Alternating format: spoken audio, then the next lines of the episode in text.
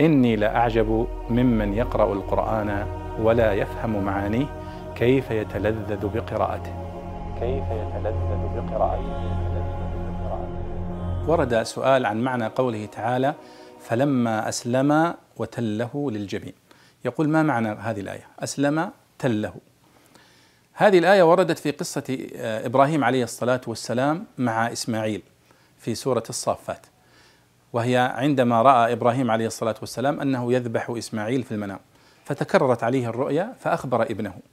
قال الله فلما بلغ معه السعي يعني إسماعيل فلما بلغ معه السعي قال يا بني إني أرى في المنام أني أذبحك فانظر ماذا ترى.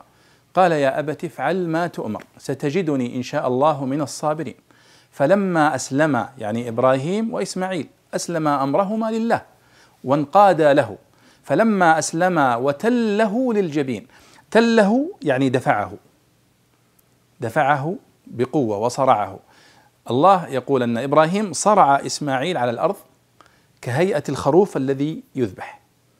فتله للجبين يعني تله ووضع جبينه والجبين هو طرف الرأس من هنا أو الجبهة من هنا ومن هنا يقال له جبين. وبعض اللغويين يقول أن الجبين هنا هو مقدمة الرأس وجانبه. فإبراهيم تل إسماعيل على جانبه هنا كما يفعل الذي يذبح الخروف أو الذي يذبح الشاة ونحوها فلما أسلم وتله للجبين يعني أنه أقدم على ذبح ابنه ولم يتردد في ذلك.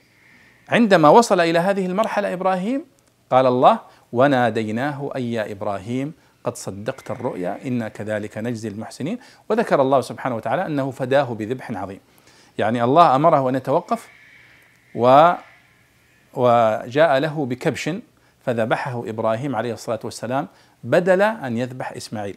ولذلك أصبحت سنة الأضحية إلى اليوم.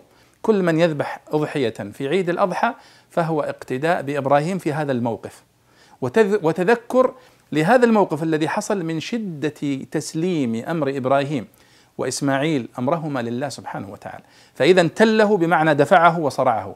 قيل أن معنى تله أي صرعه على التل وهو المكان المرتفع.